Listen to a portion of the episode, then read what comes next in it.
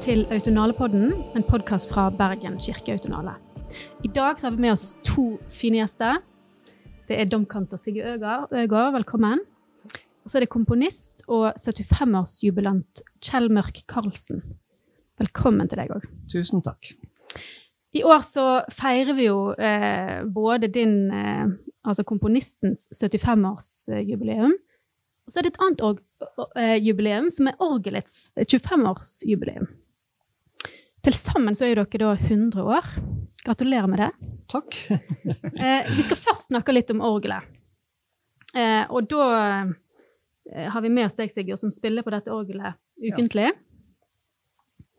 Eh, det er jo et riger, orgel, bestilt av han som var domkantor på den tida, Magnar Mangersnes. Og det er 25 år i år. Jeg trodde egentlig det var mye eldre. Ser på en måte litt gammelt ut. Eh, kan du fortelle litt om det orgelet, Sigurd? Ja, det kan jeg gjerne. Eh, Det er jo snakk om orgelet i Bergen domkirke. eh, Og der sto det et orgel fra før, eh, som opprinnelig var bygget i 1891. altså like etter restaureringen av kirken, som skjedde på 1880-tallet. Mhm. Det orgelet var bygget av en tysk orgelbygger som heter Hollenbach. Og det var et flott instrument eh, som eh, gjorde tjeneste ganske lenge i sin opprinnelige form. Og så kom det eh, nye eh, strømninger musikalsk og, og en del ting, tekniske ting som måtte gjøres utover på 50-tallet. 1950-tallet. -hmm. Og da kom et dansk firma som heter Frobenius, og renoverte dette orgelet, da, men gjorde også store forandringer. Så viste det seg relativt tidlig at akkurat denne ombyggingen ikke var den mest heldige. eh, Den på 50-tallet. den på 50-tallet. Mm. Så utover eh, eh, helt fram til eh, 90-tallet så ble det mer og mer slitt, og eh, det var tydelig behov for rett og slett et nytt instrument. Men det som skjedde, var at Riksantikvaren eh, mente at vi Eller sa at vi ikke kunne ta vekk den fasaden som var fortsatt fra 1891. Altså treverket. Selve Ja. strukturen, eller det som du ser uh, i tre. Så den måtte bestå. Uh, og det var en stor utfordring, for når et orgelbyggeri skal bygge et nytt orgel, eh, så er det jo selvfølgelig lettest for de å Mm. begynne helt fra null og lage sin egen fasade. Og i Det er vel det som er mest vanlig òg. det er det de som er mest vanlig, ja. Med mindre de bare skal restaurere alt som står der. Mm. Men i alle fall, Rieger Argelberg fra Østerrike de tok denne utfordringen og bygget et helt nytt instrument bak den gamle fasaden. Mm. Uh, og de gjorde en formidabel jobb, virkelig. Altså Mm. det de fikk til, uh, det var et større instrument som skulle få plass på samme areal, Ja, for å si det sånn. og det klarte de. Det klarte de. med Den ene lille eh, det ene lille unntaket de fikk fra Riksantikvaren, det var at de, de fikk lov til å bygge litt høyere bak den fasaden. Ja. Sånn at du kan skimte litt nye ting bak fasaden som ikke var synlig før. Okay. Men det fikk de lov til. Ja. Og dermed fikk de plass til å bygge dette flotte, store orgelet som er det største i Bergen. ja. Og eh, det er et fantastisk instrument. Ja, er det et, Ja. et spesielt flott orgel å spille på som musiker? Ja, det må jeg kunne si. Eh, Jeg føler meg privilegert som har dette som arbeidsinstrument eh, ukentlig. Og min erfaring er at eh, vi har jo mange gjesteorganister som kommer, spesielt om sommeren. Og det er svært ofte at vi får veldig entusiastiske komplimenter om instrumentet Ja. Fra disse gjesteorganistene, som ofte har spilt veldig mange steder rundt omkring i verden. Mm. Og det som også er interessant, er at eh, en god del av disse organistene har spilt på mange forskjellige orgler bygget av nettopp Rieger, og mange av de sier at dette er et av de beste de har Ja. spilt på av Rieger. Men Riga er på en måte i toppsjiktet av De er eh, absolutt, eh, Mm. ja, absolutt i toppsjiktet. De, Mm. de bygger veldig flotte og solide instrumenter som holder lenge. Men jeg lurte litt på hva, hva var din vei inn i kantoryrket, egentlig? Min vei inn i kantoryrket var eh, Den gikk ganske raskt på en, må, på en måte, fordi at eh, jeg var født inn i en familie der både far, min far og min onkel var organister Ja, og så det var helt naturlig. Så sånn sett var det helt naturlig. Mm. Men jeg har jo fire brødre som ikke er kantorer, så det er ikke sånn at det var eh, helt uh, um, opplagt. Nei. Men det ble ganske tidlig eh, en veldig sterk interesse hos meg. Eh, og jeg satt jo da ved siden av søndag etter søndag og observerte og hørte på min far Mm. Ja. Så det var nok der eh, de opplevelsene søndag formiddag på gudstjenesten på galleriet ved siden av min far, det var nok der de første frøene ble lagt. ja. Eh, og så har jeg sett en video av deg, Sigurd, der du i eh, Bergen domkirke har jo en sånn digital adventskalender. Eh, og der forteller du veldig sånn entusiastisk og kunnskapsrik om orgel i domkirken. Jeg vil jo anbefale denne videoen for alle som er litt interessert i å se, se hvordan det orgelet fungerer. Men hva er det som er så fantastisk med orgel som instrument, syns du? Det er jo mange ting, men uh, altså Det mest uh, vanlige svaret er, som folk tenker seg kanskje med en gang, det er at de tenker å ja, all den kraften, liksom. Det er én person som har, kan lage så mye lyd og, Ja. og sånn. Men så er det jo også rett og slett mye mer enn det. Eh, Det handler om eh, at orgelet nærmest er som et orkester. Mm. Der er så mange forskjellige klang, klangfarger og lyder vi kan skape og blande sammen. Og det i seg selv er jo veldig spennende. Ja. Eh, og så er det også en kombinasjon av musikkinstrument, ingeniørkunst, arkitekturkunst, håndverk. Altså det er så mange Mm. komponenter som går inn i det. Og det er jo litt den videoen som du refererer til. eh, viser jo, prø eh, der prøver jeg å vise litt det. At eh, de pipene, orgelpipene som man ser i fasaden, det er jo bare en brøkdel av Ja. de pipene som faktisk står inne i orgelet. Der det totale antallet piper i, i vårt orgel er 3400 ca. Flott. Eh, og så eh, nå spiller vi inn dette eh, i forkant av den konserten som eh, skjer torsdag kveld i Autonaleveka, eh, der du skal spille på dette orgelet. og Du skal spille en konsert eh, med Kjell Mørk Karlsens musikk sammen med Fredrikke Våler Værvågen på cello. Frida Fredrikke. Frida Fredrikke, unnskyld. Ja. Eh, kan du si litt om den konserten? Ja. Eh, det, den ble jo, ideen om den konserten ble jo til eh, i, i kombinasjonen at eh, først så tenkte jeg ja, nå er det jammen 25 år siden dette orgelet ble bygget, i 1997. Mm. Og så slo det meg plutselig eh, altså Når det gjelder komponister og, og fødselsår og i noen tilfeller dødsår, der er jeg litt nerdete. Så jeg har mange sånne årstall som bare Aha. sitter som klistret i hjernen Mm. så kom jeg plutselig på at Kjell Karlsen da hadde 75-årsdag i år. Mm. Og ikke bare det, men skrev eh, dette verket til orgelet da det var nytt. Og da tenkte jeg dette må jo Dette er den perfekte anledning å spille, til å Ja. spille dette, dette verket.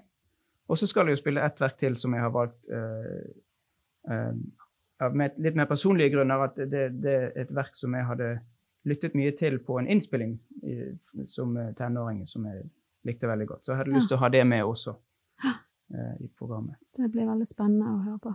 Ehm, og så fortalte du meg så vidt tidligere eh, om ditt første møte med Kjell eh, en gang for veldig lenge siden, før du ble domkantor her i Bergen.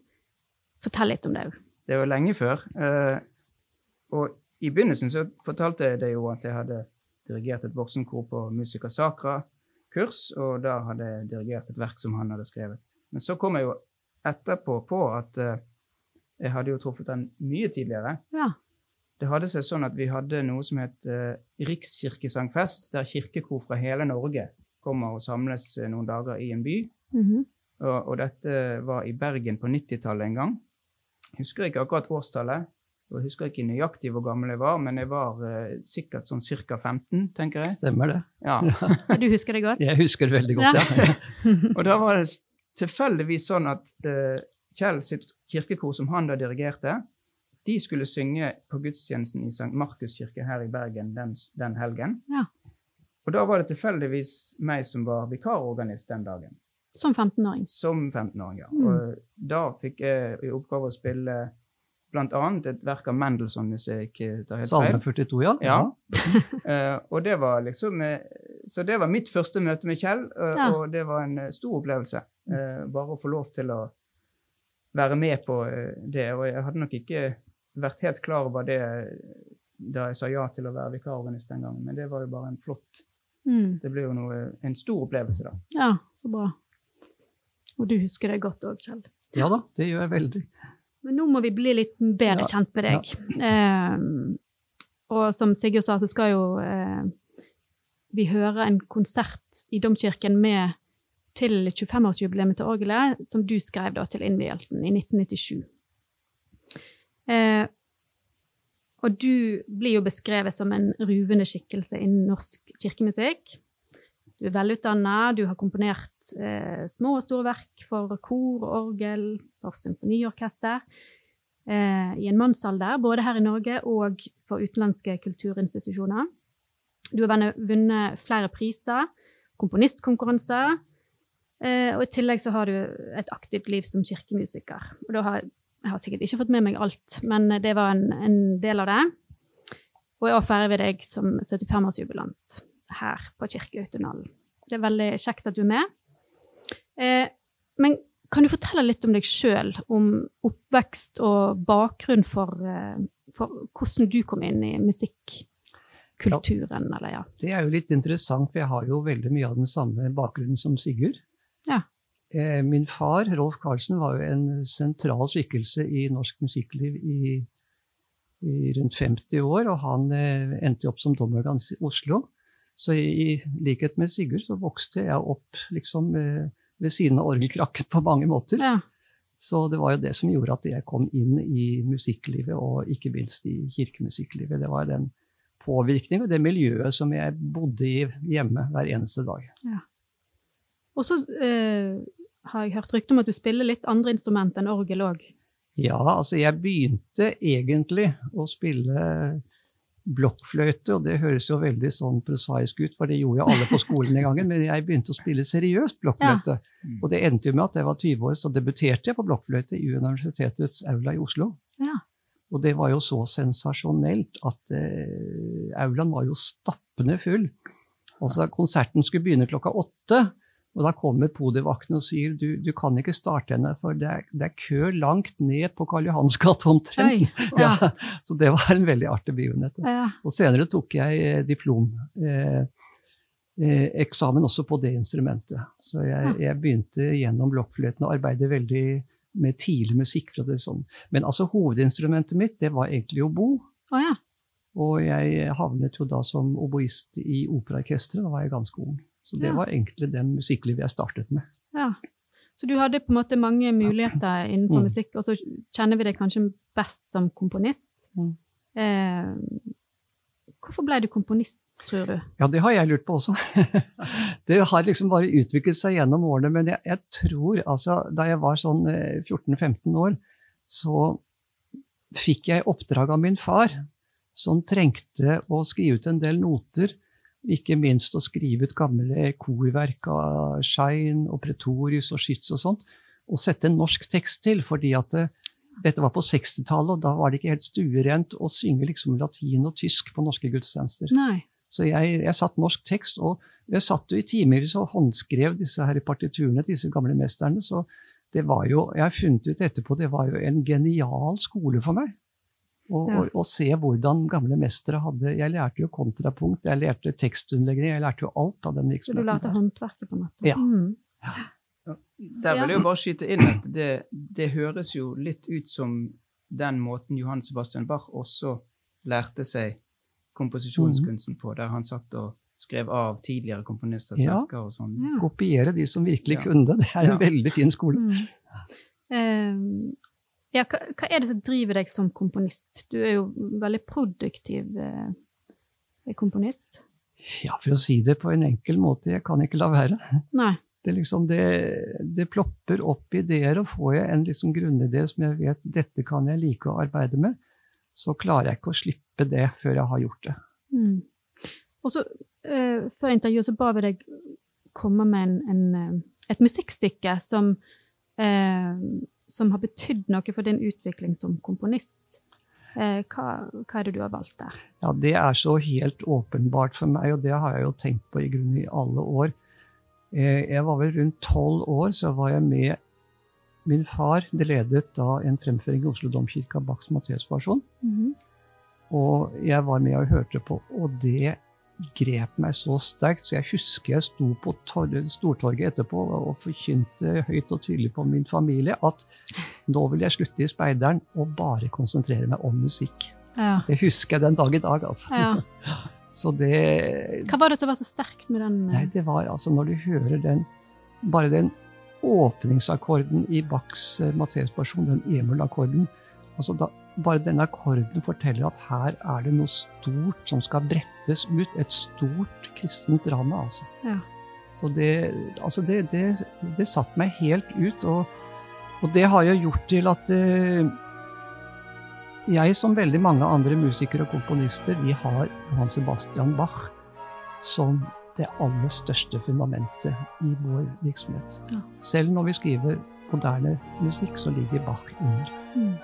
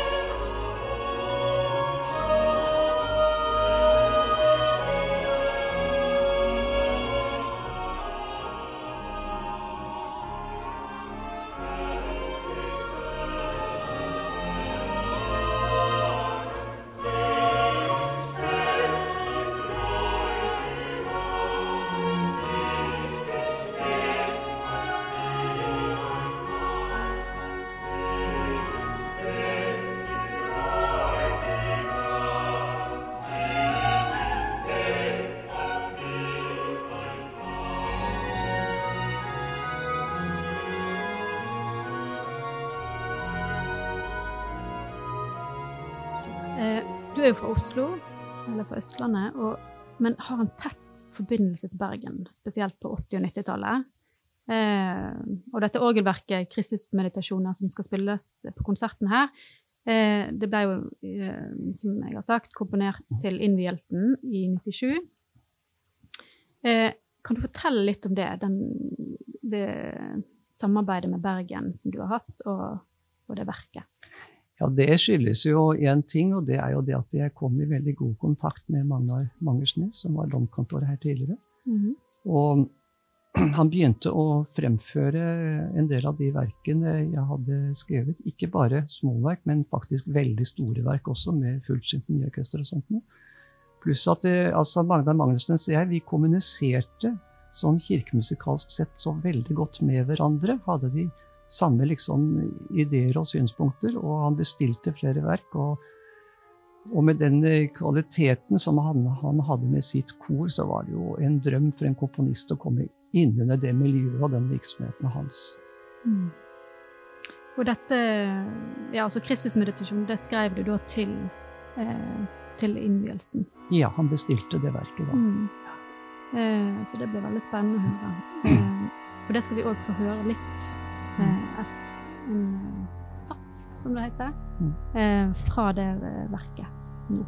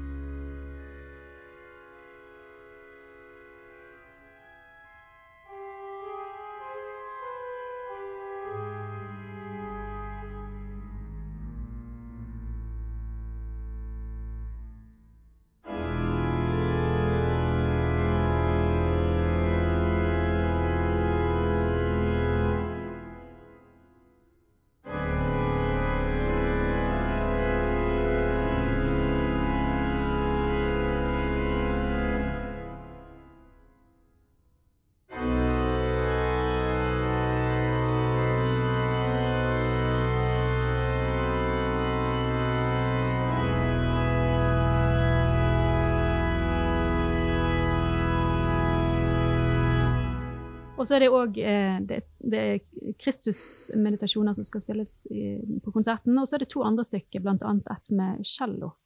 Kan du fortelle litt om det? Ja, det har jo den eh, spesielle tittelen 'Daughter of Jefta'. Ja. Jeftas datter det er jo knyttet til en eh, veldig dramatisk historie fra Gamletestamentet.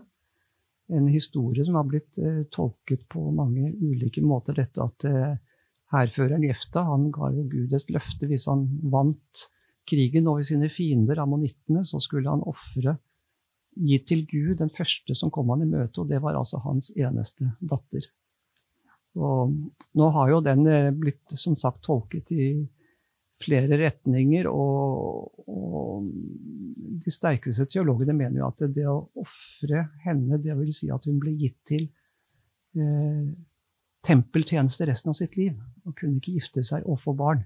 Og Derfor går hun da og synger med sine venninner to måneder først om at hun eh, klager og synger at hun, eh, hun må dø som jomfru, og dvs. Si at hun aldri ville kunne få barn. Mm. Men det er den historien. Men eh, dette stykket, som er et solostykke for cello, det er egentlig hentet ut fra en cellokonsert, altså en konsert for celloorkester, Ja. som jeg skrev over dette temaet. Og det var Frida Fredrikke som uroppførte den cellokonserten da hun var 20 år. Og jeg har jo spesielt forhold til henne, for hun er datter av min kusine. Ja, Så det er også en slekten som er i aktivitet her, da. ja så du skrev dette? Jeg skrev dette til henne, ja. Ja, så fint. Og så trakk jeg ut da deler av den solostemmen fra cellokonserten og satte det sammen til denne solosonaten for cello. da. Ja. Og så er det jo en eh, orgelmesse over gregorianske melodier som skal spilles.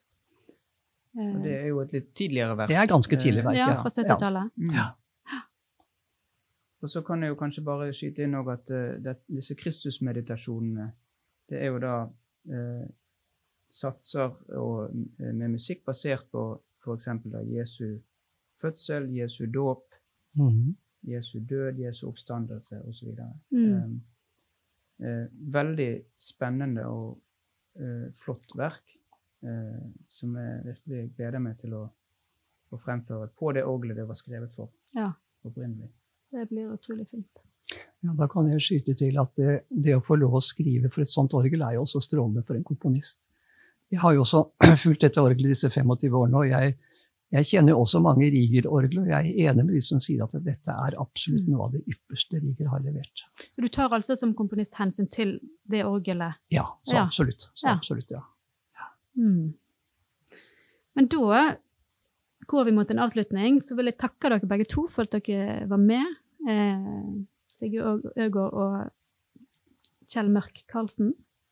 Vi gleder oss til konsert og til resten av Autonalen. Vi ønsker alle velkommen til å komme der. Eh, ja.